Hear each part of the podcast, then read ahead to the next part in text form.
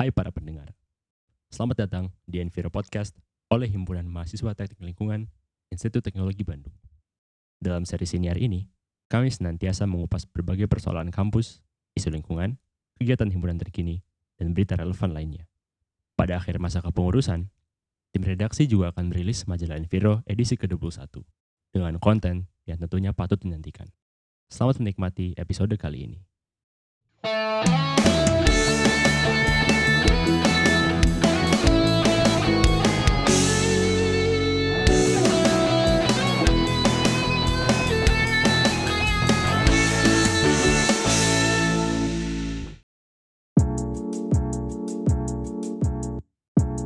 Halo teman-teman, balik lagi di Enviro Podcast. Jadi kali ini bersama gua Reno, uh, kita bakal ngebahas tentang kesosmasan nih. Cuma uh, bukan cuma kesosmasan aja, tapi kita bakal spesifik ngebahas kesosmasan selama masa pandemi ini. Nah, di sini gua gak sendiri, gue ditemenin sama teman baik gua. Uh, ada Farhan. Farhan, disokin.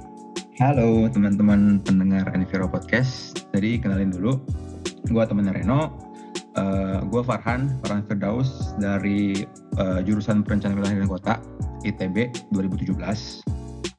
Uh, mungkin kenalan lebih lanjut kenapa gue bisa ada di Enviro Podcast. Jadi uh, gue di sini sebagai ini sih, gue berbicara sebagai uh, salah satu panitia di KKN oleh kerja nyata yang diselenggarain sama ITB di tahun 2020 kemarin, di mana itu sudah masuk ke masa pandemi, ya kan Ren? Yo, bukan bukan sembarang panitia guys, jadi ketua-ketua ceritanya. Nah, jadi uh, karena berhubung gue juga uh, salah satu penggiat pengmas gitu di HMTL, jadi di sini kita bakal sharing-sharing aja terkait gimana sih pengmas di HMTL dan gimana sih uh, pengmas di KKN ITB gitu ya Han ya di tahun kemarin ya Han. Benar. Konteksnya okay. di tempat-tempat pandemi. Kayak gitu. Yoi. Nah, ngomong-ngomong pandemi nih kan uh, banyak banget ya hal-hal yang tidak mengenakan gitu. Salah satunya di dunia kesesmasan ini di mana kita harus uh, beradaptasi banget gitu sama yang namanya pandemi ini. Yang kita tahu kalau seumpamanya sosmas ini kan salah satu inti kegiatannya itu interaksi sosial gitu kan. Kita biasanya ketemu sama orang-orang terus habis itu kita ngelakuin satu kegiatan yang sudah direncanakan sebelumnya dan dilaksanakannya bersama-sama gitu dengan uh, target dari sosmas itu sendiri. Tapi uh, di pandemi ini karena interaksi kita dibatasi, jadi rada susah nih. Kita nggak bisa jadi uh, yang biasa aja. Kita harus uh, adaptasi ya nggak Han? Ya benar nah, tuh. Gue mungkin gini ya, gue uh, biar bisa dibandingin gitu uh, eh, gue bakal cerita tentang sosmas yang ada di HMTL dulu. Jadi kalau seumpamanya sosmas yang ada di HMTL ini biasanya tuh kebagi jadi dua. Ada kegiatan yang bentukannya tuh community development, terus ada lagi kegiatan yang bentukannya tuh community service. Nah, yang membedakan keduanya adalah uh, jangka waktu kegiatannya, terus habis itu output akhir kegiatannya, habis itu uh, sama metode pelaksanaannya mulai dari persiapan sampai eksekusi itu juga beda. Nah, kalau di masa pandemi ini sendiri buat HMTL sebenarnya untuk proporsi kegiatannya itu uh, lebih banyak di Comserve Community Service karena memang kegiatan-kegiatan community service itu uh, lebih mudah dilakukan, persiapannya tidak terlalu panjang, terus habis itu uh, juga bisa uh, menjawab tantangan dengan instan, istilahnya kayak gitulah. Nah, tapi bukan berarti komdevnya nggak dilakuin gitu. Jadi kita uh, kita masih tetap ngelakuin kegiatan komdevnya. Jadi di tahun ini komdevnya itu dipegang sama satu divisi tersendiri gitu. Dan sebenarnya HMTL itu punya satu desa binaan gitulah. Ada di daerah Cianjur namanya Kampung Kemang gitu. Cuma memang karena terkendala pandemi dari segi jarak juga jauh habis itu kita dari segi personil kita nggak ada yang uh, berkumpul di Bandung karena memang kita diharapkan berada di domisili masing-masing gitu kan. Jadinya memang nggak ada orang yang standby di Bandung gitu. Dan oleh karena itu kegiatan di kampung uh, Kemang di Cianjur itu nggak kita laksanain. Tapi uh, kita juga kemarin dapat kerja uh, tawaran kerjasama gitu untuk ngelakuin kegiatan komdev di uh, daerah Lebak Siliwangi di Taman Hewan namanya di sebelah di sebelah barat kampus kita di ITB Nah di situ kita uh, lingkupnya memang lebih kecil karena satu RW aja, cuma uh, dengan adanya kegiatan itu, kegiatan Komdev di HMTL masih tetap bisa jalan gitu. Nah di sana tuh kita ngurusin masalah ini Han, apa persampahan, sistem persampahan. Jadi di sana uh, teman-teman HMTL ya emang nggak semua sih, beberapa aja karena kita batasi juga itu kita ngurusin masalah sistem persampahannya di sana. Lanjut uh, di kegiatan konservnya mayoritas kita ngelakuin kegiatan ini sih. Apa kayak pandemi gitu, eh kayak apa? Kayak penggalangan dana. Oh ini charity gitu betul kayak. Charity, ya charity. Karena lebih uh, lebih mudah dilakuin, terus habis itu kita nggak harus ngumpul gitu kan Han. Iya, Jadinya ya, bisa online juga kan. Mm -mm. Sekarang kan banyak nih kayak apa? Uh, bisa melalui transfer uh, bank atau kalau nggak pakai e-money dan kan kan jadi lebih mudah kan hmm. buat ngadain galangan dana. Dan bisa dilakuin uh, secara koordinasinya tuh bisa dilakuin secara online juga jadinya bisa lebih mudah. Paling uh, yang paling ketara bentuk adaptasinya itu ada satu kegiatan namanya tuh itu berbaring berbagi sambil sharing. Jadi lanjutnya tuh kita berbagi tapi kita juga sharing gitu oh, kedengarannya seru, seru gitu kan. Nah jadi tuh gini uh, biasanya kalau berbaring tuh kita ngumpul di satu tempat gitu kan hmm. uh, terus habis itu di sana kita uh, kayak ngasih satu bentukan kegiatan mungkin pembelajaran atau kalau enggak kita ngasih satu bantuan berupa material secara langsung gitu yang dibutuhkan oleh target kita. Tapi uh, itu berkelompok gitu. Kita langsung uh, gerudukan bahasanya tuh apa ya? Gerudukan kumpul bareng langsung ngasih gitu. Kalau ini enggak kita tuh ngasihnya per domisili. Jadi harapannya teman-teman secara individu bisa munculin empatinya bisa munculin sense of crisisnya terhadap lingkungan sekitar mereka. Kira-kira orang-orang mana nih yang uh, membutuhkan bantuan? Dan orang-orang itulah yang nantinya kita kasih bantuan secara material. Itu sih berbaring tuh. Jadi Sebenarnya, kegiatannya kayak gitu berarti yang kegiatan sosmed HMTL kalau di masa pandemi ini kayak gini ya kayak apa namanya uh, menyebar gitu ya bentuknya hmm. menyebar ke domisili masing-masing gitu ya iya jadi kita nggak ngumpul gitu karena kita juga takut kan kita nggak pengen gitu kan ngorbanin apa istilahnya tuh uh, kesehatan teman-teman ya, benar. terus habis itu keselamatannya juga karena kita nggak tahu uh, vektor uh, penyakitnya bisa bisa siapa aja dan bisa di mana aja gitu kan hmm. kita mencegah nah. hal itu sih ngomongin sistem itu sebenarnya KKN juga pakai sistem itu tuh Ren. Jadi kita uh, jadi mungkin gimana tuh dulu ya sih KKN hmm. dari tahun ke tahun gitu ya. Jadi uh, dari dulu awal awal pertama kali ITB punya KKN itu 2011 kalau nggak salah. Nah itu tuh selalu dilaksanain di Jawa Barat di satu desa dan di mana itu uh, semua peserta KKN itu kumpul di situ gitu hmm. kurang lebih sekitar uh, antara 150 sampai 200 orang itu tiap tahunnya. Nah, tapi kalau misalkan kita ngelakuin kayak gitu di masa pandemi kemarin, wah bakalan uh, bikin yes. ini banget dong, masalah banget dong. Apalagi nah, bawa-bawa nama ITB kan, bisa juga yeah. nyebar uh, jadi uh, apa namanya uh, tempat penyebaran baru COVID itu ya kalau masyarakat hmm. desa. Nah jadi kemarin tuh uh, kita di panitia KKN 2020 akhirnya bikin keputusan nih kita nyebarin uh, peserta-peserta jadi kelompok-kelompok sesuai sama uh, domisilinya mereka masing-masing kayak gitu. Bahkan sebenarnya pas awal-awal tuh menyebar dari ujung Sumatera sampai ujung Jawa. Hampir satu Indonesia tuh ya. iya, setengah lah, setengah Indonesia lebih lah. Dari Sumatera Utara sampai Jawa Timur kayak gitu. Hmm. Itu KKN kemarin. Nah, banyak sih masalah-masalah yang dihadapi di KKN kemarin kayak gitu. Mayoritas sebenarnya mungkin di uh, teman-teman di Sosmas HMDL juga ngerasain nih masalah kalau kita ngerjain di banyak tempat kayak gitu. Nah. Kalau misalkan pandemi berarti kan kita harus sesuaiin dong uh, apa namanya? Uh, status pandeminya itu gimana? Apakah zona merah kah zona hitam kah zona kuning dan lain-lain kan? Nah, iya itu tuh pak. Nah kalian kemarin juga tiap kelompok tuh harus nyesuaiin juga. Kita nggak bisa ngasih satu uh, sistem yang sama buat semua kelompok yang ada di banyak tempat kayak gitu kan jadinya. Nah itu masalah masalah yang cukup apa ya cukup jadi utama lah pas kemarin. Kita harus nge uh, gimana biar uh, para peserta ini fleksibel gitu uh, ngejalanin ke masyarakatnya kayak gitu. Nah kalau di nah. Hamtel gimana nih? Kurang lebih sama sih masalahnya. Jadi kalau seumpamanya per daerah gitu kan uh, banyak yang harus disesuaikan. Pokoknya kita mau ngasih sesuatu uh, mulai dari bicara anggaran ya kita nggak mungkin melakukan kegiatan pengmas tanpa anggaran gitu. Setiap daerah punya punya uh, apa perekonomiannya masing-masing. Jadinya kan taraf perekonomiannya beda-beda. Jadinya list barang-barangnya kan juga beda-beda. Nah itu yang harus kita sesuaikan banget gimana uh, bisa tetap seimbang nih tiap daerah. Jadi nggak ada satu daerah yang lebih berat ataupun sebaliknya satu daerah yang lebih ringan gitu. Nah dari dengar penjelasan lu nih Han gue jadi pengen tanya sebenarnya. Nah, kan uh, setahu gue KKN 2020 itu kan perencanaannya tuh mulai dari sebelum Desember kan? Iya benar. Akhir akhir tahun 2019 gitu kan? Iya benar.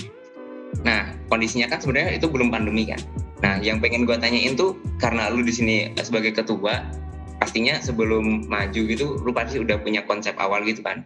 Hmm. Gimana si KKN ini dan pada akhirnya ketemu pandemi, akhirnya konsepnya berubah hampir total gitu berubah total. Hmm. Nah gue pengen tahu nih transisinya tuh gimana dan awalnya kayak gimana terus akhir jadinya tuh kayak gimana gitu. Nah ini perjalanan cukup ini sih sepanjang tahun 2020 gue mikirin tentang hal itu sih gimana adaptasi adaptasi yang cukup cukup ini ya cukup drastis ya dari hmm. dari konsep awal sampai konsep baru. Jadi uh, ya benar KKN tuh di, dirumusin direncanain dari akhir tahun 2019 emang kayak gitu dari tahun-tahun sebelumnya juga. Dan konsep awal yang gue pikir itu tentang kayak gini sih. Karena uh, ini kan basicnya kalau KKN di ITB itu uh, satu desa di Jawa Barat kan. Nah gue tuh ngerencanain biar uh, lokasinya itu nggak uh, cuma satu desa doang biar lebih besar lagi. Nah gue rencananya tuh multi desa 2 sampai tiga desa. Nah oh. sebenarnya kemarin juga udah dapet nih desanya di Kabupaten Tasik kita juga udah, udah sempat survei ke sana terus ada beberapa desa yang cukup uh, berpotensi lah untuk dilaksanain KKN kayak gitu. Nah, tapi uh, akhirnya kena pandemi di pertengahan Maret nih, tanggal-tanggal sekarang kan? Mm-hmm. Nah, terus kita harus adaptasi mau nggak mau, tapi masalahnya juga ada di karena kita di bawah ITB ya, kita juga perlu birokrasi yang uh, agaklah cukup inilah cukup cukup panjang lah ke mm. ITB-nya seperti apa, apakah yang harus kita lakukan, perubahan seperti apa yang harus dilakukan kayak gitu. Nah akhirnya kita keluarin uh, keputusan yang tadi kalau kita ngelaksanain KKN-nya disesuai sama uh, domisili para peserta. Nah, sebenarnya konsep awal yang gue pengen lebih besar sedikit multi desa jadi gede banget. Iya, jadi setengah Indonesia. Indonesia. Iya. Begitulah. Itu sebenarnya bakal itu sebenarnya kemarin tuh chaos banget sih mikirin adaptasinya kayak gimana apakah apakah berhasil apa enggak tujuan awal uh, KKN diadakan kayak gitu. Hmm. Terus nih Han, kalau seumpamanya dari KKN sendiri, uh, kan tadi yang lu bilang kalau tiap daerah tuh punya potensi masing-masing gitu kan? Hmm. Terus keunikannya juga beda-beda. Nah, uh, buat bentukan kegiatan yang bakal dilakuin sama peserta nih, ada nggak kayak batasan-batasan dari panitianya mungkin atau memang dibebaskan gitu ke peserta? kalau misalkan untuk bentukan program ya ini kita nggak ngomong dengan metode ke hmm. masyarakatnya apakah ketemu langsung apakah kayak gimana gimana dan lain-lain hmm. gitu. cuma kalau masalah program sebenarnya uh, karena ini kan KKN ya kuliah mereka berarti si para peserta ini uh, mereka dapetin kuliahnya dulu mereka tahu dasarnya seperti apa ilmu seperti apa baru mereka bisa uh, turun ke masyarakat kan menyelesaikan hmm. masalah-masalah di yang ada di masyarakat kayak gitu nah jadi sebenarnya kita udah udah nih uh, menurut menurut gue tuh sudah cukup komprehensif sih kuliahnya dan akhirnya kita uh, memberikan satu guideline ke para peserta tapi mereka lebih fleksibel sih untuk merencanakan apa sebenarnya masalah yang ingin mereka tackle lalu program apa yang ingin mereka bawa kayak gitu. Cuma nanti kemarin tuh kita tuh adain mentor juga. Jadi mentor-mentor ini biar uh, para peserta tuh nggak nggak keluar jalur aja nggak kayak terlalu misalkan terlalu susah kah programnya terlalu makan waktu dan lain-lain kayak gitu sih Ren. Oke berarti emang uh, kontrolnya tuh dari mentor-mentornya itu ya hmm. kalau di KKN sendiri. Benar. Nah, mungkin mungkin ini Han kalau ngomongin uh, kesesmasan di pandemi uh, karena karena kita ngelaksanain uh, kegiatan sosmasnya itu kebetulan uh, sama-sama di masa pandeminya gitu kan. Hmm. Pasti uh, pernah dong kayak waktu lagi ngejalanin kegiatan gitu. Terus abis itu uh, ternyata di daerah tersebut di daerah target uh, sosmas kita ada nih satu atau dua warga yang memang uh, lagi terinfeksi gitu, lagi terinfeksi COVID. Iya, nah, kalau kayak gitu uh, strategi buat uh, ngakalin kegiatannya karena dari segi timeline terus habis itu yang paling pengaruh tentunya dari timeline sih. Kan udah disusun dari awal nih terus dengan adanya kegiatan gitu kan otomatis ke hold dong kegiat uh, si kegiatannya nggak bisa dipaksain buat dilaksanain gitu kan. Hmm. nah itu ngakalinnya gimana nih kalau uh, di KKN sendiri kemarin mungkin ada yang curhat gitu dari pesertanya kalau KKN kemarin ada sih beberapa kasus satu tempat di mana desa tersebut pas sudah datang nih untuk ngelaksanain si uh, apa namanya kegiatannya.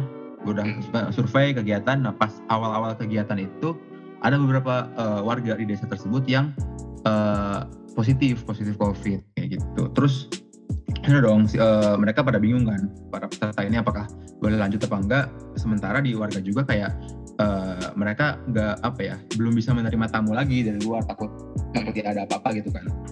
Ya akhirnya uh, yang terbaik sih menurut gua kemarin tuh ya udah tahan dulu uh, jangan jangan bikin apa ya jangan uh, cari resiko gitu untuk melaksanakan kegiatan. Nah sebenarnya kan uh, kegiatan sosmas di mana pun ya untuk menebar kebaikan kan tapi kalau misalkan hasil outputnya malah jadi uh, buruk malah jadi sakit dan lain-lain ya berarti nggak bagus dong nggak bermanfaat ya jadi uh, eh, gue tahan dulu.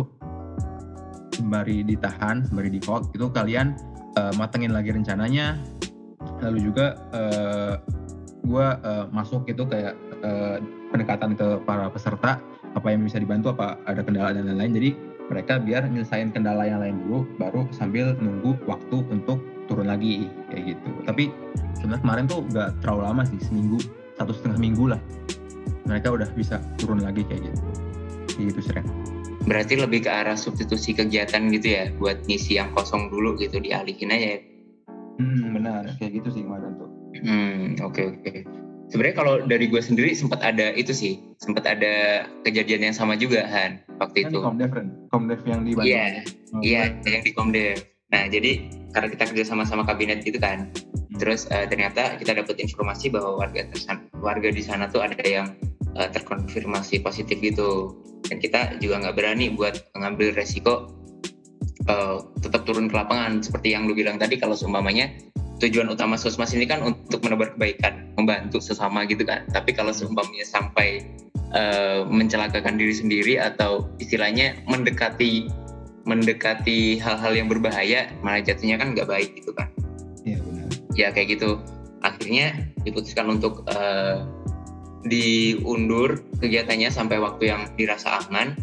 Cuma kalau uh, di himpunan mungkin di HMTL gitu, salah satu uh, apa salah satu tantangannya adalah kita kan punya uh, batas kepengurusan gitu ya, ya. Yeah.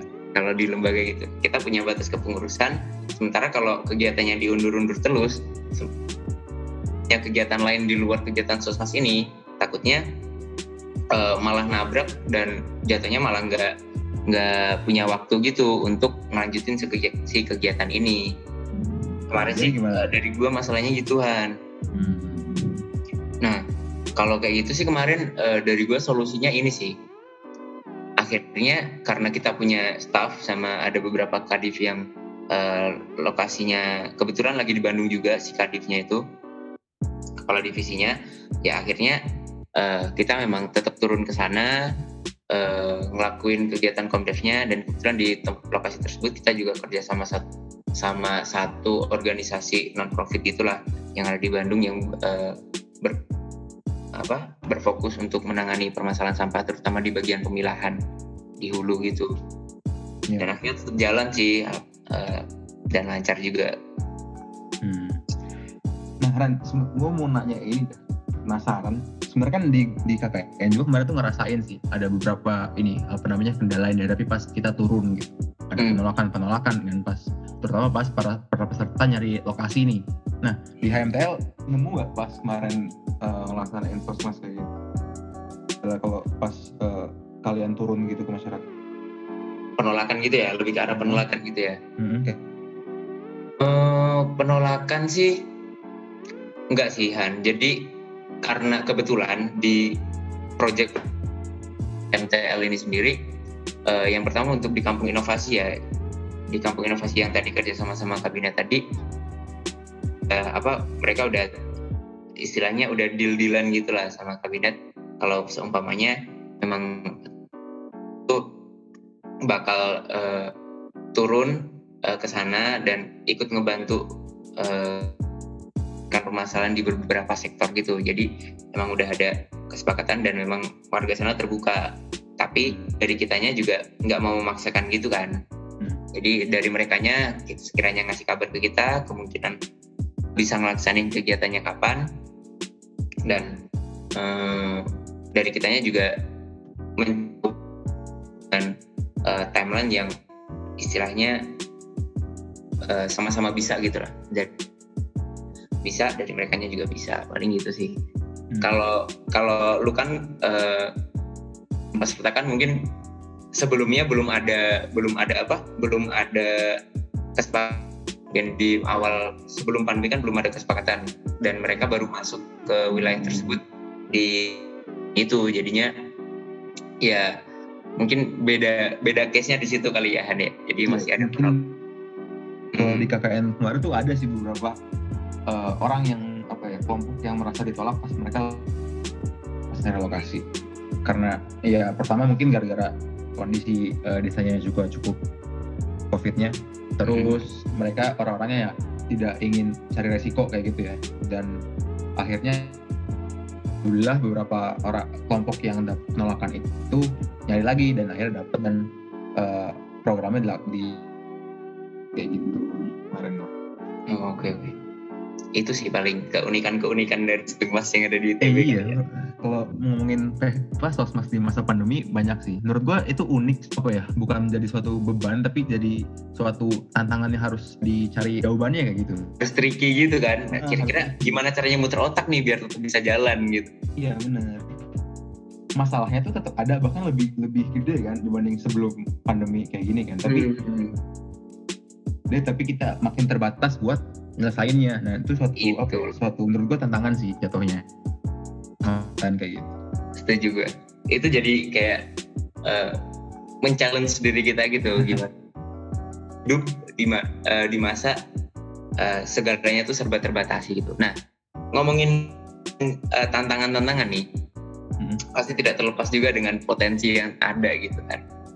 Jadi ya kan kalau nah, uh, kita berdua tadi bilang kalau seumpamanya di masa pandemi ini justru orang yang butuh bantuan kita karena uh, banyak pihak yang uh, di masa pandemi ini merasa uh, terbebani gitu, merasa terhambat di berbagai sektor, bukan cuma bahkan di kegiatan sosial, terus habis itu uh, masalah lingkungan juga banyak hal panik gitu. Nah kira-kira kalau menurut lu nih Han, gue pengen tanya ke lu dulu. Potensi sosmas di masa pandemi ini kayak gimana sih Han? Hmm, kalau ngomongin potensi ya, mungkin hmm. gue nge ini ya nge-refer ke KKN kemarin. Ya. Yeah. Jadi sebenarnya di kalau menurut gue kemarin pas yang gue alami pas KKN kemarin itu potensi pengmas di masa pandemi itu kita bisa nyelesain masalah sekaligus meningkatkan potensi eh bukan nyelesain, uh, masalah dan mening, uh, meningkatkan potensi dari suatu daerah kayak gitu. Hmm. Nah kalau misalkan masalah itu uh, kebanyakan masalah sosial kayak pendidikan, terus ekonomi, kayak kan banyak nih orang-orang uh, yang uh, kayak gitu kan uh, semenjak pandemi, terus pembelajaran jarak jauh pendidikan anak-anak SD juga kan uh, makin terhambat kan, apalagi di desa-desa yang uh, sinyalnya kurang bagus, terus jauh dari uh, infrastruktur pendukung uh, telekomunikasi dan lain-lain kan. Masalah yang mungkin harus di uh, tackle. Sementara kalau misalkan kita ningkatin potensi, uh, ini yang uh, di masa pandemi ini sektor pertanian tuh jadi jadi ini loh, jadi resisten loh. Jadi dia tuh resilient gitu. Hmm. Uh, tuhin di uh, masa pandemi, tapi ya berarti kita harus tingkatin dong si uh, produksi. Nah, itu yang uh, di KKN kemarin uh, kita tingkatin juga uh, produksi pertaniannya sama dan lain-lain. Nah, uh, itu beberapa ini sih beberapa hal yang mungkin potensi yang bisa kita lakukan, potensi program gitu ya, uh, masalah hmm. perpengmasan di uh, apa namanya di masa pandemi. Juga jangan lupa ini tentang uh, COVID-19 kayak mereka mungkin ada beberapa yang kurang kurang paham sama kurang eh, masyarakat ini tentang bahaya gimana sih bahaya COVID-19 kayak gitu. Jadi hmm. mungkin bisa juga uh, lewat pembelajaran, ngasih penyuluhan. Mungkin penyuluhannya nggak cuma lewat penyuluhan doang, tapi bisa langsung uh, ngasih yang uh, secara materi kayak ngasih bagi-bagi masker, bikin uh, sistem cuci tangan publik kayak gitu. Nah, ya. berarti memang dari segala sektor bisa masuk ya mulai dari tadi perekonomian terus habis itu ngedorong sektor-sektor yang harus tetap jalan meskipun di masa pandemi kayak tadi pertanian dan sebagainya gitu kan hmm, terus kita juga bisa edukasi nih uh, terkait kesadaran masyarakat tentang pandemi ini seberapa bahayanya gimana cara pencegahannya dan kawan-kawan gitu lah ya hmm. dari teknologi juga bisa masuk sebenarnya ya yang tadi lo sebutin kayak inovasi-inovasi alat kayak umpamanya pencuci tangan otomatis yang simplifikasi akhirnya bisa dipakai di segala tempat itu juga ya. sangat dibutuhkan gitu kan ya, bahkan dari uh, dari anak-anak mungkin yang uh, bisa kan kita tahu nih kalau misalkan pandemi ini bikin orang stres ya di rumah di rumah oh, terus gitu ya setuju banget nah, bisa kayak uh, apa ya bikin tempat kayak gitu untuk orang-orang yang mungkin dia uh, makin suntuk di rumah hmm. tempat orang sekitar rumahnya juga sama kayak gitu. Nah bisa nih dilakuin bikin suatu tempat di mana mereka bisa berkreasi. Tersalurkan aja uh, waktu di rumahnya tapi lebih produktif kayak gitu. Wahana pribadi gitu lah ya. Benar wahana refreshing kayak gitu. Mantap. Kalau hmm, mungkin tadi satu han yang belum yang belum disebut. Uh, balik lagi donasian ya nggak? Setuju nggak oh, kalau iya, umpamanya donasi? Sangat banget di masa kayak gini. Benar-benar itu jadi apa ya? Jadi suatu suatu masalah juga yang masalah inti masyarakat masyarakat apalagi di uh, desa-desa gitu ya. Mereka hmm. mereka nggak apa ya kurang dana untuk melaksanakan untuk menyelesaikan masalah-masalah lain. Jadi sebenarnya mungkin sih bisa juga cara paling gampang yang mendonasi ya karena karena gini Han kalau menurut gue uh, kenapa donasi itu? Gini pernah dapat satu pertanyaan dari teman gue waktu itu pas di rumah. Gimana? kenapa kenapa sih uh, kita ngadain donasi tentang masker buat kawan gitu? Padahal itu seharusnya kan uh, kewajibannya pemerintah untuk memenuhi hal itu gitu kan. Dan uh, itu harusnya memang seperti itu gitu kan. Karena itu kan uh, sektor yang cukup vital juga kesehatan terus habis itu uh, uh, apa petugas persambahan kayak gitu gitu memang harusnya sudah disediakan untuk pemerintah dari pemerintah gitu. Cuma memang uh, balik lagi kalau kondisinya uh, seperti di Indonesia ini kan masih Indonesia kan negara kepulauan terus habis itu uh, banyak wilayah-wilayah yang memang belum merata gitu pembangunannya dan di situlah uh, fungsi teman-teman sosmas para penggiat sosmas ini uh, buat ngelakuin kegiatan-kegiatan supaya bisa mendukung uh, pemerintah untuk melakukan pemerataan gitu kan. Mulai dari donasi terus abis itu kita bantulah uh, para petugas persampahan terus kita bantu para tim medis yang memang pada waktu itu masih kekurangan uh, APD gitu. Itu kan demi kesehatan uh, kita semua juga demi kebaikan kita semua juga kita bantu gitu. Jadi uh, bisa dibilang memang si sosmas ini kegiatan sosmas ini itu tuh uh, sektor-sektor di mana di uh, ranah tersebut pemerintah tuh belum bisa 100% untuk turun membantu gitu. Ya nggak setuju nggak kalau kalau lu terkait statement itu? Iya setuju gua. Menurut gua pandemi ini jadi apa ya? Jadi satu momen kita bisa belajar lebih belajar empati sih sama Hmm. Ada beberapa orang yang mungkin nggak seberuntung kita mendapatkan banyak uh, kebutuhan-kebutuhan pokok yang udah terpenuhi. Jadi kayak kita belajarlah untuk berbagi, untuk berempati kepada mereka semua kayak gitu. Ya kan? Iya, setuju gue. Jadi emang wahana untuk belajar empati dan simpati ini luas banget sebenarnya tergantung kita tuh uh, mau atau enggak gitu kan.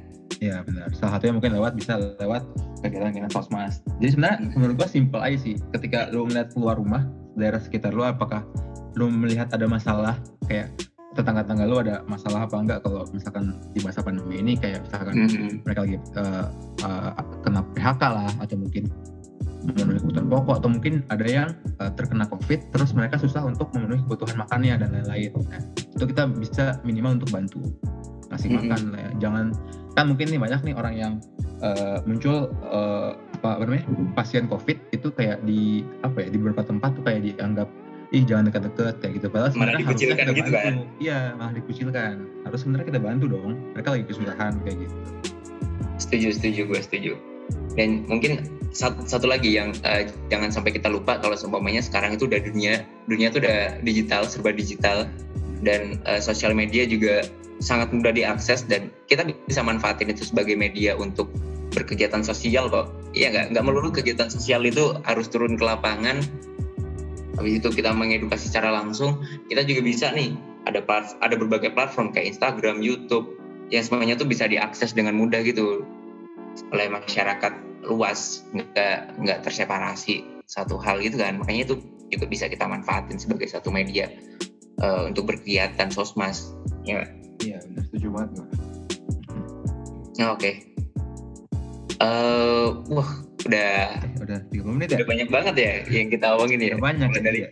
KKN terus habis itu Pengmas di MTL terus eh, gimana sih potensi sosmas yang ada di pandemi ini ya harapannya memang teman-teman semua bisa tetap uh, untuk mencoba melatih empati, mencoba untuk bersimpati terhadap lingkungan sekitar supaya pada akhirnya uh, semuanya bisa saling membantu gitu. Hal positif selalu tersebarkan di lingkungan sekitar kita.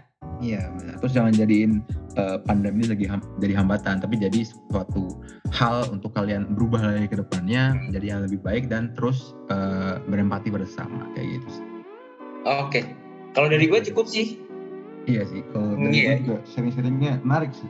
Iya, iya, thank you kan udah oh, mau gabung bersama gue, bersama kita nih di podcast Enviro ini udah mau sharing-sharing tentang KKN dan uh, tukar pikiran tentang pengemas di pandemi ini. Makasih banget buat Farhan. Siap, sama-sama. Keren-keren. Next kita ngobrol lagi lah ya di sini. Yoi, harus. Nah, paling ini buat para pendengar setia Enviro nih jangan lupa buat uh, baca juga majalah Enviro udah rilis nih. Uh, bisa bisa dilihat di uh, platform IG kita ada di uh, Instagram terus habis itu bisa juga dibaca di isu jadinya mudah banget tinggal klik linknya habis itu baca dan kita di situ uh, bakal melihat realita-realita dan beberapa fakta yang terjadi terkait kondisi lingkungan kita sekarang. Paling itu sih uh, kalau dari gue. Terima kasih teman-teman udah mendengarkan. Terima kasih. See you on the next podcast. Anjay. Bye. Terima kasih telah mendengarkan Enviro Podcast episode ini. Untuk mendapatkan informasi terbaru, follow akun Instagram dan Twitter kami di hmtl underscore itb. Sampai jumpa di lain kesempatan. Dan jangan lupa, keadilan harus ditegakkan. Gemuruh.